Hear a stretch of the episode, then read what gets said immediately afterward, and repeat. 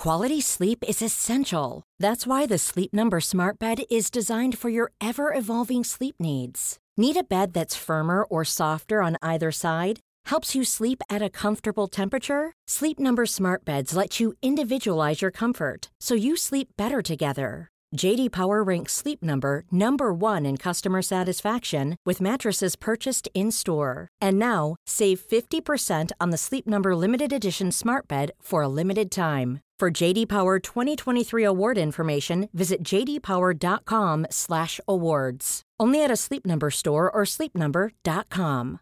This is Paige, the co-host of Giggly Squad, and I want to tell you about a company that I've been loving, Olive and June. Olive and June gives you everything that you need for a salon quality manicure in one box. And if you break it down, it really comes out to $2 a manicure, which is absolutely insane. It's also so easy to get salon worthy nails at home with Olive and June. The difference between how your nails used to look when you did them yourself and now with the Mani system is a complete game changer. The best thing about Olive and June too is it's a quick dry, dries in about one minute, lasts for five days, and full coverage in up to one to two coats. Visit oliveandjune.com slash perfect Mani 20 for 20% off your first system. That's oliveandjune.com slash perfect Mani 20 for 20% off your first system.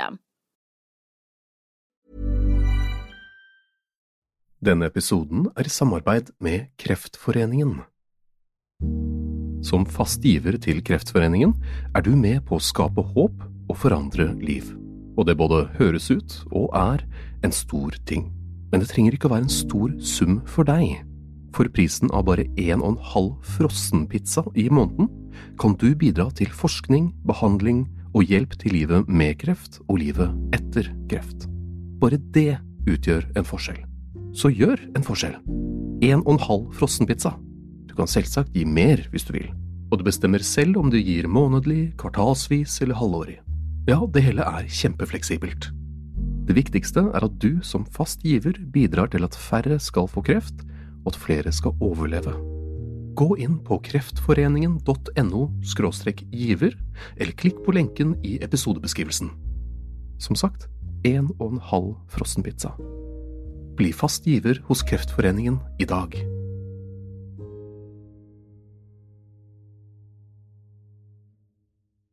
Gjenklang.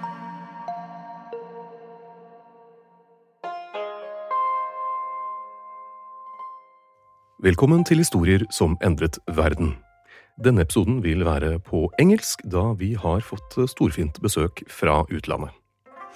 Today we will be talking about the samurai, the legendary Japanese warrior. And with us today is the wonderful Professor Stephen Turnbull. Welcome. Good afternoon. If we were to go through everything you've done, it would be an episode in itself, but for the layman listening, they might know you from your contributions to movies like uh, Ronin 47, countless documentaries. There's um, games like Shogun Total War 1 and 2, and thank you for those, by the way.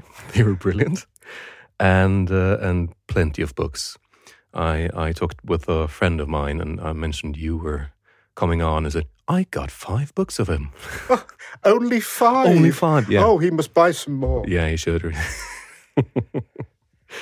and as I said, documentaries. The the most recently one, the Netflix documentary Age of the Samurai. Age of Samurai. That's yeah. right. Yes. So yeah, you're the go-to guy to put it mildly. Uh, it's great to have you here. But this show is not the reason you're you're in Oslo. Uh, why, why are you here now? Well, I'm here because, as you probably know, in the Historical Museum at now, they have the most marvelous exhibition of samurai armor and swords. It's one of the best displays I've ever seen. The collection is very fine, but I went there this morning and I was particularly impressed by how close you can get to the exhibits and almost touch them oh. and see the real detail, the quality of the workmanship, and learn so much about the samurai as a warrior, but also someone who enjoyed poetry and the tea ceremony. It's a wonderful exhibition, and I'm so glad to have come. And you'll be having two lectures as well? That's right. Saturday, the 25th of November, they have me to do two lectures. I am really having to work to, to earn my visit to Norway. And uh, yes, uh, talking about various aspects of the samurai culture. Brilliant. So, so listeners, if you're interested, you know where to go visit. Uh, but back to the, the story at hand here. In popular culture, we have these groups that stand out from from history, correct or not, and often with a national theme like the the, the English longbowmen, the French knight, the Norse Viking berserkers, and of course the Japanese samurai. What does the word samurai mean?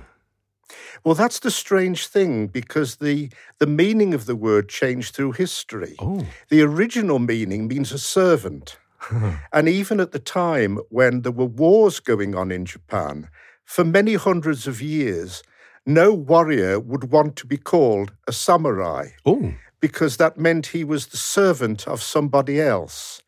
And it's only really with the times of peace from the 17th century onward that you have this idea as the samurai as a warrior class. And that was essentially using an old word of the someone who serves a lord and now they were all serving the great lord, the shogun. Ah. And so then on, but now we tend to use, say, as you say, like the the Norse Viking. Mm. It is a generic term Yeah. for the Japanese warrior, and I think that's good because it gives people the understanding, the label of the of the term. So it's a good development, but people have to realize that there was this change in meaning over the years. And by the way, my, my Japanese is non existent. So um, in this episode, I'll probably butcher every word there. So apologies in advance. Well, I I also apologise that my Norwegian is non-existent. so, so I, it is wonderful that your listeners can enjoy me in English. But, but where did the samurai originate from? Uh, if we could go back to early Japan, because as far as I read, the, the, the country was kind of divided between the Heian to the south and uh, the Emishi to the north. you, you're almost getting there. Okay. I think no, but the what, what you're referring to is a time round about the 11th, 12th century, when there were rebellions and also the Japanese state, the imperial state, was expanding from southern and central Japan to the north. And that is when the the emperors really started hiring these warriors as professional fighters. Hence the name samurai. Yeah. They served the emperor. And that's when you get the beginning of what we could call samurai culture the, the mounted archer, the swords. You're absolutely right. That is the, the beginning of samurai history. And we've seen them visualized, as you said, also with, with a certain armor and uh, and a certain sword or swords. Could you uh, tell me or tell us a bit about that? Yes, the I mean the, the famous what we call a samurai sword is one of the classic weapons of the world. The essentially it's a curved sword, one that's forged in a, a very specialized way, using overlapping layers of iron and beaten and beaten. In other words, the creation of a fine steel by means of experience and tradition before the metallurgy, the chemistry was really understood. And in fact, some of the finest swords in Japanese history were made at this early period, 12th and 13th century, and uh, still as sharp and keen today. Wow. But what would be the difference between, uh, let's say, a katana or like samurai sword, or a um, medieval English longsword? Well, I'm not a great expert on medieval European weapons, but my understanding is there was a different concept uh, in how the swords were used. Now, I may be wrong here. I mean, I know about how the Japanese swords use the curved blade for cutting and slashing, as compared to more of the the Stabbing. thrusting, the, the, the, yes, the, the large scale stabbing of the of the the European sword, and that the delivery of a blow theoretically, a Japanese sword would be able to cut more deeply than uh, the European sword. And I can see all the European medievalists going on the telephone now and saying he's wrong, but I, I'm the Japanese yeah. specialist. But and, and, and the armor, what was special about that? The samurai armor. Well, the samurai armor belongs to what you might call the East Asian tradition of armor making, which evolved in a totally different way from how we saw it in Europe. I mean, Europe, you have the evolution from chainmail and the what we call the brigandine, where you've got the metal plate sewn inside cloth, with the addition of plate armor, and over the years the plate armor becomes becomes more extensive. Now, Japanese armor derives from essentially a, an earlier Chinese model, where instead of chain or big plate, you have small plates laced together tightly to make a bigger plate. Okay. It's called lamellar armor because they're made of lamellae, uh, uh, a Latin term for small piece. And it is quite remarkable how, how it worked because you would have a row of these small metal scales bound together and then lacquered so that the, the iron wouldn't rust, uh-huh. and then sewn together vertically in a series of plates.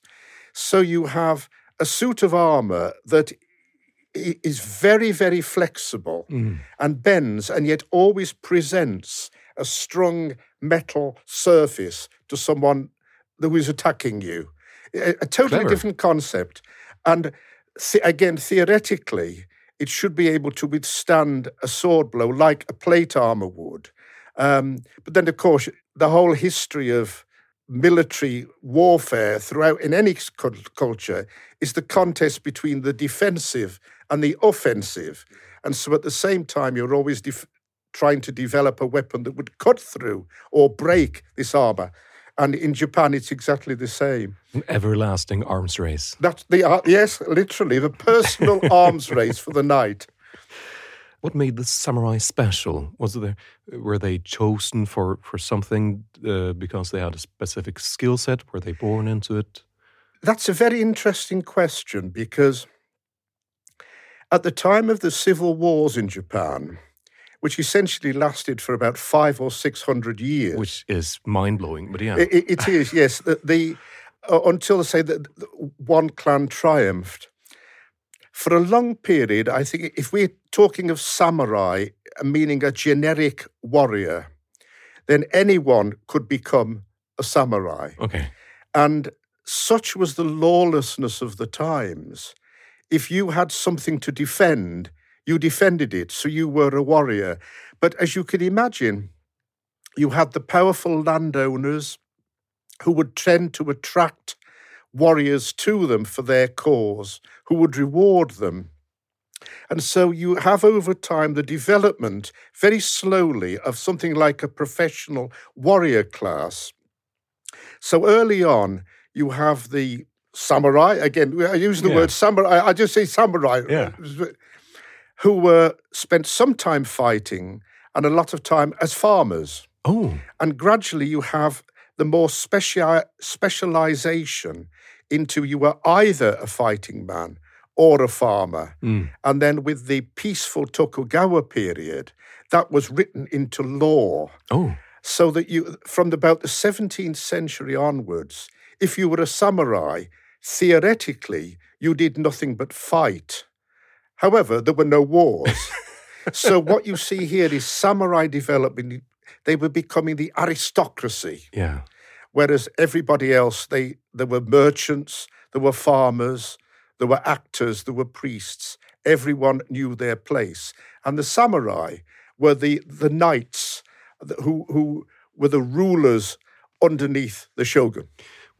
Could you describe it as the uh, Japanese version of an uh, European medieval knight?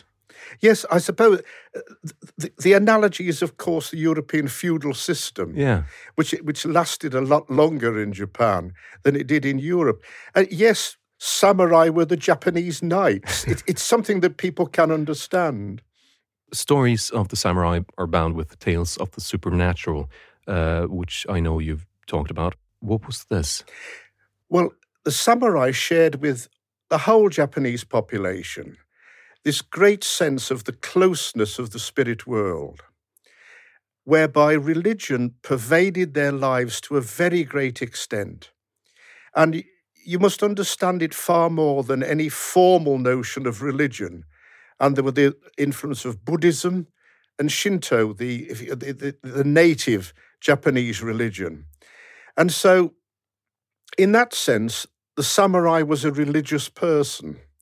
But you must not, not never think of them as religious wars. It was just something that everyone accepted. And so you that's why you have so many legends of samurai worshipping their ancestors who have performed great deeds in the past and who were still present very much so in a spiritual sense. Hmm. The the other world, what we would term the religious world, was so very close to whatever they did and far closer than I say we, we would assume in, in the terms of the medieval knight. And in this time, there's a couple of terms we might need to know, like a shogun. What was that? Yes, the the, the shogun, the the big cheese.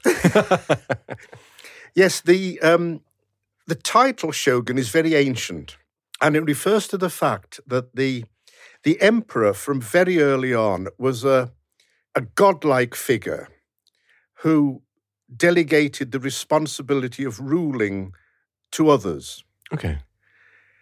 And the great responsibility of carrying out military campaigns on the emperor's behalf was delegated to a chosen warrior who received the title of shogun, the almost literally the great general. Oh. And originally, this was a temporary commission. So you mentioned earlier in the interview about them going off to fight the, the, the rebels and the ab- Japanese Aborigines in the north. Someone would be given the commission to do it, and he was titled shogun. Sounds quite Roman, actually. It, it, it is, yes, it is like one of the consuls being sent out yeah. and come back to Caesar. and the big change, of course, is what happened in the 12th century when someone who was essentially commissioned as shogun, retained the title permanently. Ooh. So that the emperor was relegated more and more to being a symbolic religious figure, and the power was passed to the military class. And that was the beginning of, of a time, really, of, of samurai dominance and the, the conflict between well, various clans over who should be shogun or who could control the shogun that lies at the back of so many of the civil wars. Hmm. But the emperor was was still there in the background. yes, and uh, uh, and uh, virtually worshipped, and imperial commissions um, were all and imperial titles that he could grant to samurai lords were regarded as so important, even though if they had wanted to, they could have abolished the emperor but of course, nobody did because he was this almost, say, godlike figure. Uh, so you have this mixture of almost contempt and respect at the same time. That he was venerated and yet had, had, had no real political power. And then we have uh, well, a, word I will struggle with daimyo. Well, daimyo, uh, the name, the word literally means great name and, and and that was the the powerful landowners who, during the times of civil war, were the ones who attracted the samurai to their flags to fight in their armies. And so that the the greatest daimyo family that emerged in the end, the Tokugawa, who became the shoguns and issued in the 200 years of peace. So, so they were under the shogun. They were under the shogun. But for so many years, the, the, the, shogunal family resided in the Ashikaga family, and they had 15 shoguns successively over 200 years, and were then abolished in 1568 by one of the great warlords who didn't himself become shogun. Oh. No, he, uh, he, he, he used one of the Ashikaga family. It was almost like a, the shogun at that time was like a little emperor. Ah. Again, theoretically, he had a lot of power. Effectively, he didn't. And then this, say, great warlord, his name was Oda Nobunaga, a great military leader. He may well have become shogun himself had he not been murdered. well, That- almost murdered. He was forced to commit suicide, which Oh, we counts will. murder. Oh, yeah. And um, and so it, it passed to someone else who, who could trace his descent to the original shogun. That's how it worked. Yeah, the, these forced suicides were the uh, seppuku or harakiri or something like that. Well, seppuku and harakiri essentially are the same words, and they refer to the, the, the Japanese tradition of ritual suicide, which was performed supposedly by samurai when they were defeated in battle to avoid the disgrace of capture. You say supposedly. Well, supposedly, because there are so many in, instances in, in Japanese history of, first of all, suicide by other means, of which my favourite one is a man who jumped off a castle tower with a sword in his mouth. Well, there's also one. Actually, that's not the best. The best. The, probably the most bizarre case of suicide by a defeated samurai was a man during the 14th century who had himself buried alive on his horse, supposedly. What? It might be a legend, but the, the we also uh, it, it's so many people know these words harakiri and so on and Yeah. assume that that was how most samurai ended their lives. It's not true. You have many examples of history when an army was defeated and they didn't kill themselves. They were absorbed into the army of the victorious general. That's a they were clever way to rewarded, do it. and, and, and he increased his forces that way Yeah. the instances of suicide that you tend to read about are leaders who would let their they would willingly let their own troops go spare them that they would go to the to victorious but he himself like we say in hmm. english the, the captain goes down with the sinking ship Yeah. and so that is why so many cases of suicide seem to be in the upper ranks of a Japanese army, as a way, I suppose, of atoning for the fact that they had lost a battle, that, that they had, where they were disgraced. We tend to see samurais as honorable super soldiers. This honor thing, was this an important part of it? Yes, the the, the samurai pride, the um, the devotion to the Lord. I think honor is. You've actually used a very good word there, because this is, seems to be fundamental to the samurai psychology. Again, maybe it wasn't always practiced because you do have examples of rebellions against one's lord and lords being murdered by their followers. And, and people even betraying their side and joining the other. Yeah. But as in so many concepts of morality in, in world history, it is perhaps honored more frequently in the omission than the commission that you have this ideal that of, of the, the samurai who was loyal to the point of death to the Lord, unless something else happened. Yeah, I, I read somewhere that there was uh, two shoguns or warlords or something that uh, had this yearly event, this yearly battle, and one of them won, and then they just went back home. Was it? it's weird. Oh, It's weird. It's also not true. Oh, it's I, not. I know exactly what you're referring to. Um, and it's the fact that there were two rival daimyo called Takeda and Uesugi, and they did actually fight five battles at the same place over a period of about 15 years. And the, the legend grew that they were like mock battles. Yeah. But um, I have actually written a book about it, these battles of a place called Kawanakajima Should have read that. available at all good bookstores. and uh, say it is strange that this legend has grown that they were like mock battles tournaments. Yeah. They weren't.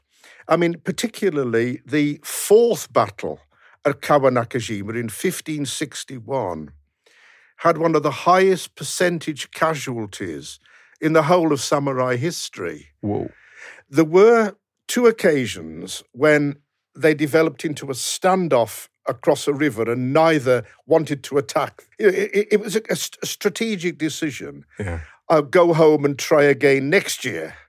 But uh, there was nothing mock about those battles if you had been inside them. Today I learned. we also have the, the name or word Ronin. Ah, Ronin, that's a splendid word. It, it, literally means a man of the waves. You can imagine someone who's cast adrift at sea. Yeah. And it referred specifically to, well, the concept that, that you, you brought up earlier of honour, of devotion to one's Lord. It was possible that if one's Lord was killed in battle and there was nowhere else to go, that the samurai warrior had had no one to serve. And there were times in, when people were, were, were desperate for troops. On other occasions, at times of peace, because the wars weren't weren't literally continued. Yeah. And so you would have these Ronin who were basically unemployed warriors. And there are various stories of them causing trouble. There are various stories of them touring the country as super swordsmen, taking on opponents to show how clever they were, all, all of which have, have, a, have a real basis in fact. But essentially, what it is, it's a samurai, a bit like in the the films of the Wild West, the lone gunslinger, and of course, the basis for so many Japanese movies. Oh, yeah. Even when we're on a budget, we still deserve nice things. Quince is a place to scoop up stunning high end goods for 50 to 80% less than similar brands. They have buttery soft cashmere sweaters starting at $50, luxurious Italian leather bags, and so much more. Plus, Quince only works with factories that use safe, ethical, and responsible manufacturing. Get the high-end goods you'll love without the high price tag with Quince. Go to quince.com/style for free shipping and 365-day returns. One size fits all seemed like a good idea for clothes. Nice dress. Uh, it's a it's a t-shirt. Until you tried it on. Same goes for your healthcare. That's why United Healthcare offers a variety of flexible, budget friendly coverage for medical, vision, dental, and more. So, whether you're between jobs, coming off a parent's plan, or even missed open enrollment, you can find the plan that fits you best. Find out more about United Healthcare coverage at uh1.com. That's uh1.com. I'm Sandra, and I'm just the professional your small business was looking for. But you didn't hire me because you didn't use LinkedIn jobs. LinkedIn has professionals you can't find anywhere else, including those who aren't actively looking for a new job but might be open to the perfect role, like me. In a given month, over 70% of LinkedIn users don't visit other leading job sites. So if you're not looking on LinkedIn, you'll miss out on great candidates like Sandra. Start hiring professionals like a professional. Post your free job on linkedin.com slash achieve today. Yes. But the, the samurai and the Japanese didn't just fight each other. Um, the Korean peninsula is quite close, and you have China as well. China under Kublai Khan, he um, he launched an invasion, and he was. I mean, Kublai Khan is almost a, by proxy a Mongol invasion. But uh, how did this influence Japan in various times? Yes, well, it's quite remarkable, let's say, when you look at Japanese history, that there was so little military involvement with other countries that you're looking at several hundred years of basically civil wars. And certainly, you've mentioned the um, what's always called the Mongol invasions of Japan during the 13th century. Again, you, you have actually expressed it in the correct way. it was actually an invasion by the Emperor of China, but I think it's perhaps a little politically incorrect to refer to it as a Chinese invasion of Japan. And then again, in the end of the 16th century, you have this, these remarkable years of Japan invading Korea. And for, for many years, this was presented as a, an extension of the great warlord Hideyoshi, who, would, who managed to unify Japan um, effectively as shogun, and then didn't, didn't want to stop at Japan. And he really did have a personal aspiration to becoming the emperor of China. And he invaded Korea sent Japanese armies into Korea simply because Korea was on the way to China. Yeah. some elements of the Japanese army did get into Manchuria. But the big surprise that the Japanese armies met, first of all, was that the Koreans weren't willing to let them just pass through Korea, which was Hideyoshi's idea. Mm. And then that you had this huge retaliation by Ming China. So the, the Korean War, 1592 1598, developed into a war between essentially China and Japan, fought on the Korean Peninsula, which was in the end a disaster for Japan because the combined forces of China and Korea drove the Japanese out. But the interesting thing is, if you look at it not so much from a Western perspective, which is essentially what I've expressed to you so far, the, the image of it in East Asia is the first world war of East Asia. Oh. Because for the first time, you had Japan, China, and Korea fighting, and the influence of it was so extensive in the years afterwards. The, it weakened Ming China and led to the Manchu invasions. It weakened Korea, from which they never quite recovered. And what a lot of people don't understand is the almost the invasion of other countries because the king of Siam, now Thailand, Yeah. offered to use the Siamese fleet to attack the Japanese navy. And the Koreans said, Thank you very much. but they had actually defeated the Japanese before. Ah. Otherwise, you say you'd have had the involvement of Thailand as well. So it's regarded as a far more important episode in East Asian history than we regard it um, from here. But it, it, it's say it's it's still remains, and that this is the amazing thing, the almost unique instance Mm. of the Japanese samurai military energies being applied to another country. But there are other little details that in 1609, the Japanese tried to conquer Taiwan and failed. and the, but the, the one success they had were the the chain of islands that lie between Japan and Ch- uh, Japan, then the Ryukyu Islands, then Taiwan, then China. And they did manage to conquer the Ryukyu, and that's what's now known as Okinawa. So Ah. th- that has been part of Japan since then. So that was the, the Japanese plan. But the interesting, thing- I, I, said- this is actually one of my great interests. so I'm, I'm going to rabbit on about this. Sure. There were plans, and they were they were funded. The troops were arranged, and that was for the Japanese invasion of the Philippines. And that was due to take place in the year 1636. And that was essentially Japan seeing the power of the Spanish Empire and how they had taken over the Philippines as a Spanish colony. Ah. And there was a lot of Spanish and Portuguese involvement in Japan, largely through missionaries, not through military work. But the what they called the missionary problem, the Christian problem, could be solved by Japan occupying the Philippines.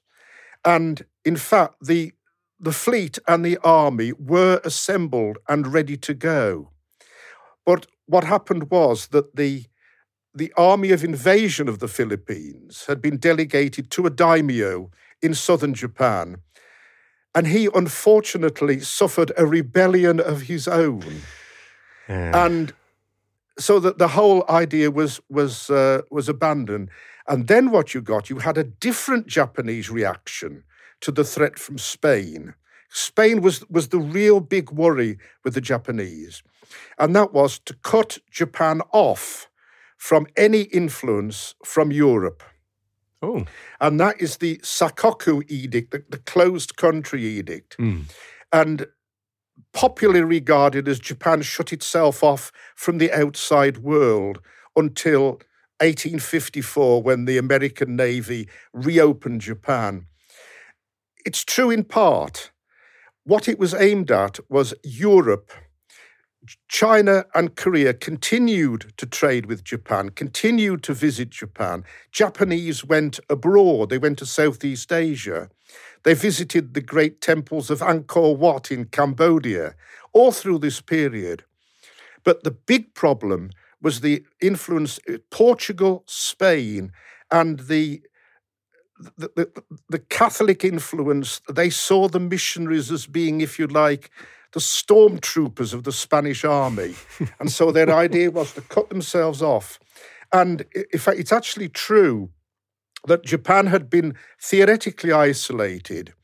And um, England, as it was then, wanted to re establish relations with, with Japan as part of its expansion of the uh, what, what become the British Empire, yeah. the East India Company. And a ship, an English ship, arrived in Nagasaki harbour, and great discussions were heard. And the Japanese discovered that the King of England was married to a Portuguese queen. And that was the link. And they said no. Ooh. So England was cut off as well. And the Japanese managed this exclusion of European influence um, as a, a, reaction to what they saw rightly as Spanish colonialism yeah. in action in the South Pacific. Huh. Interesting. But since they, well, cut themselves off from uh, European powers and, and trading, I guess, did they get Western guns, etc., or was this through China, Korea? Well, there's, there's two answers to that. First of all, by the time, uh, uh still specifically about, about firearms technology and gunpowder, by the time the Japanese cut themselves off, they already had a well developed firearms technology of their own. Oh, okay. They'd come originally, everyone says from the Portuguese who, who, who had a shipwreck and brought guns with them. That's something of a legend. I personally believe that most of the guns came from Southeast Asia you can tell this really in the in the design of the the earliest matchlock muskets that arrived in Japan, and they're far more like the Asian design than they are the European. But that's another story. so by the time they cut themselves off, they were already a, a formidable users of firearms, and the classic example of how good they were was in Korea, where the Japanese firearms were far superior to the Chinese models that tended to be used in Korea, and they proved decisive in, during the, the, the Korean invasion. Hmm. And of course, one of the great myths of the samurai is that at the times of peace in the 17th century, that the Japanese abandoned firearms yeah. and returned to just using the sword. This is a, one of the great samurai myths because the Japanese were formidable with firearms by the 17th century they didn't give up the gun. What they failed to do was to have the innovations and, that were coming from Europe. So you do see examples in the 17th century of the wheel lock firearms, and then you have the snaphaunce firearms. What you don't get are the, the decisive in innovation of flintlocks. Ah. So that what you have when Japan opened up to the West in the 1850s one thing they were desperate to acquire was modern firearms because even though they had them wonderful by 17th century standards, by 200, year, 200 years later, they were out of date. Yeah. And the interesting thing is, when the um, again the Civil War period started again in the 1850s, is where they got their new firearms from. Oh. Because they were basically second hand from the American Civil War. Really? And a lot of the European traders who made a fortune when Japan was opened up. Um, you you read of ones who introduced steam trains and stone buildings and oh, wearing top hats, but the ones who made money were the arms dealers. They always are. They always are. And as I say, they were basically army surplus from the American Civil War. the samurai were present in Japan over many, many hundreds of years. We've we've talked about that. But did the samurai's job description change over this time? Oh, fundamentally. And in fact, I, I rather like your use of the term job description because it's difficult to be a trained fighter when there's no one to fight. And so you have this strange paradox of the samurai with their classic two swords, Yeah. at which they were supposedly very skilled, and no one to use them on. So essentially, the the swords which represented the samurai became almost like the badge of office. An analogy I always use is we have this classic image of the English gentleman with his bowler hat and umbrella Yeah. that the samurai sword was the Japanese umbrella, that it was the sign of the, the aristocratic class.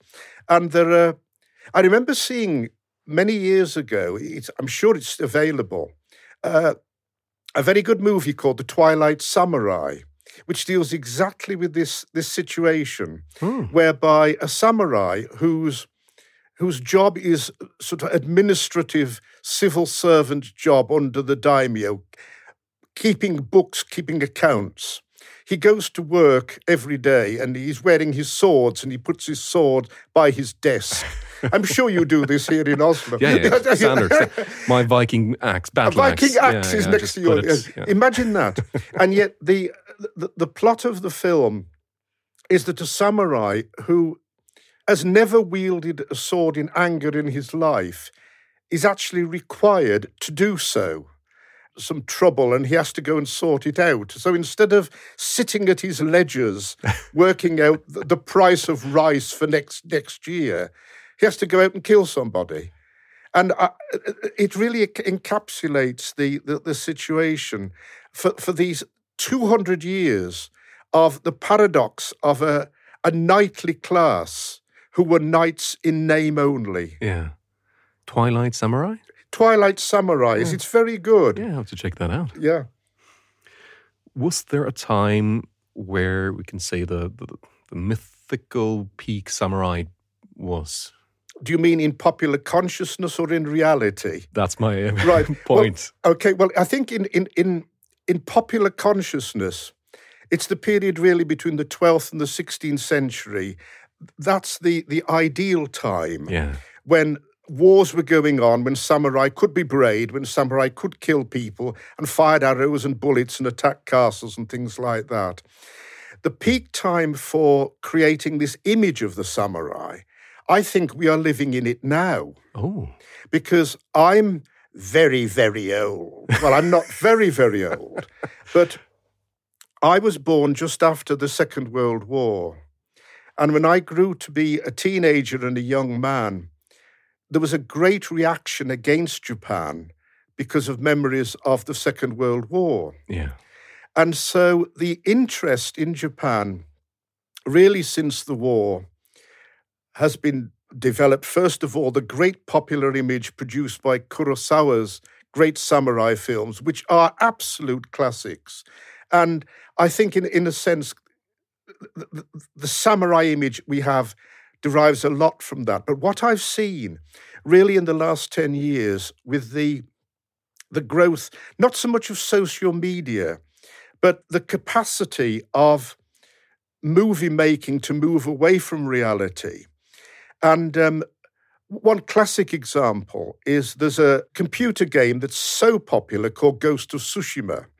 Now, I happen to be something of an expert on this because two weeks ago, my 14 year old grandson gave me a tutorial in Ghost of Tsushima. So I spent a very pleasant evening with him killing Mongol warriors. and I, I see this uh, almost as an archetype of one example of samurai popular culture that wasn't around 20 years ago, whereby you're having a, the development of the samurai as a fantasy figure, which in some ways, perhaps he always was. But it's blending now with, with ideas that come from the Japanese cartoon films, the anime, and comic books, manga, all of which I greatly enjoy. And so, quite often now, if you read a popular Japanese magazine about a uh, topic on samurai, The illustrations aren't so much of old woodblock prints or suits of armor, they're, they're, they're fantasy figures created using these elements of armor, such as you could see in the Historical Museum now in Oslo. And imagine those armor, which in themselves are fantastic enough when you have animal, animal shapes on the helmets yeah. and big horns. And then to create them in, amalgamate them in, in this way. So I think my answer to the question is there was the, the ideal of the samurai is taken from this me- medieval period but the peak of its image now is happening as as we as we speak. That's interesting. And just quickly, we have this different um, legendary Japanese warrior type called ninjas. God. Ah. ah, ninja. Everyone wants ninja to exist. What are ninja? Well, the the popular image of the ninja, they are the super samurai. They are superlative at martial arts and they're invisible warriors in the night. They're almost, if you like, the, the archetype that gave birth to these fantastic samurai images that we see now. The interesting thing about ninja is if you look at military history of any country in the world, you always have an element of what you might call undercover warfare, special forces, infiltration, night attacks, spying. Yeah, subterfuge. And, yeah. Subterfuge. You see that in every military society. And it would be amazing if Japan didn't have it. yeah. But the interesting thing is that there are very, very sound historical examples of that sort of thing happening in medieval Japan. It would be surprising if they didn't. People were assassinated, castles were burned. And the word they use repeatedly when you translate the accounts is a verb shinobi, which means to essentially to sneak in somewhere unobtrusively. So the person who did that would be called a shinobi no mono, a person who sneaks in.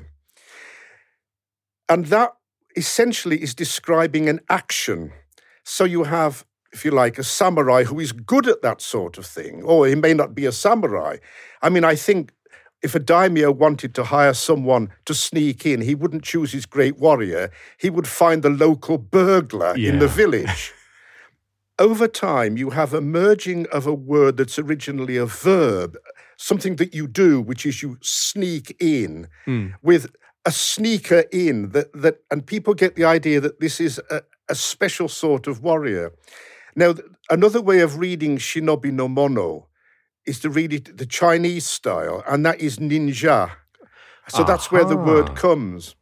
And of course, the great thing about Japan is that even though you have examples of this going on all around the world, the Japanese somehow managed to make that into a cult figure. And it's not a modern invention. I mean, I've traced examples going back to the 17th century where they have turned this idea of a of an infiltrator into a, a, a super samurai. And wow. and in particular being associated with certain cults based at certain places. And that's the basis of the whole the whole ninja i mean i could go on of how they started off as spies like anywhere in the world and ended up as comic book heroes. it's a great transformation. It is. Um, just about to wrap up, but just for fun, if we compare two different cultures, let's say a fictional medieval battle between some French knights and some Japanese samurais, what would happen? What would the, the difference be?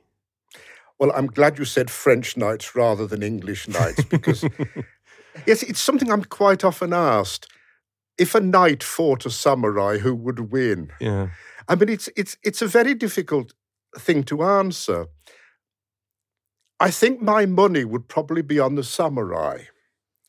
I mean, we have this image, don't we? The popular image has always been that uh, a medieval knight in plate armor was a very clumsy creature, could only move very slowly because of the weight.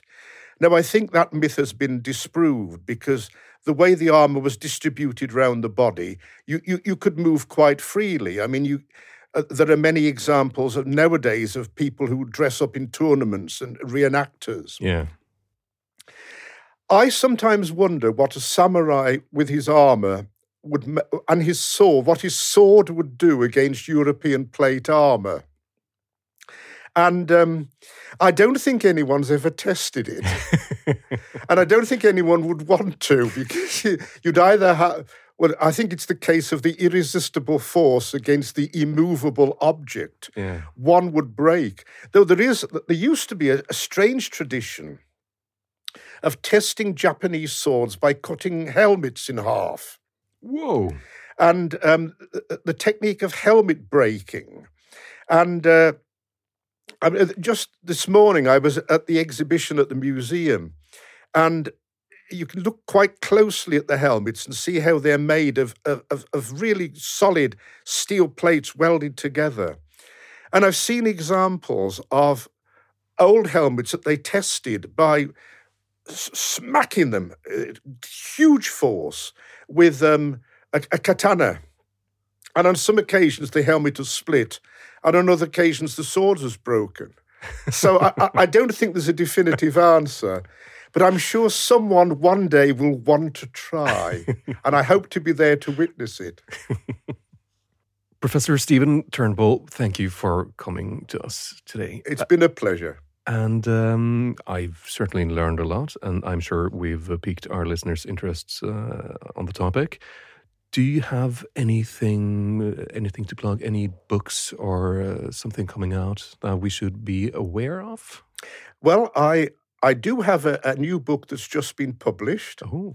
Um, it's called Hojo Samurai Warlords, and the Hojo were one of these daimyo that you mentioned Yeah. earlier, and um, it's a topic I've been interested in in a while because during the 16th century, with the introduction of firearms, Japan experienced something of a military revolution comparable to what happened in Europe.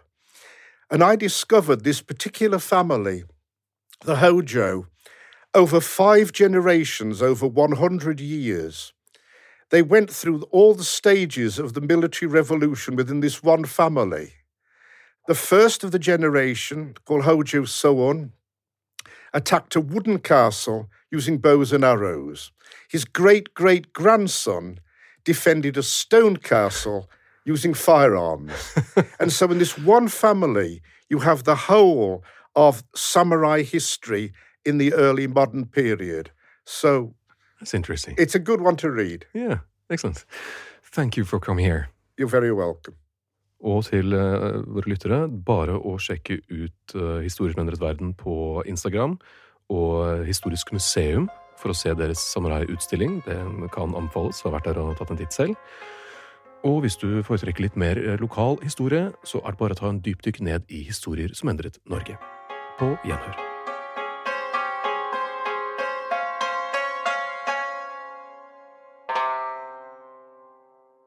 Gjenklang.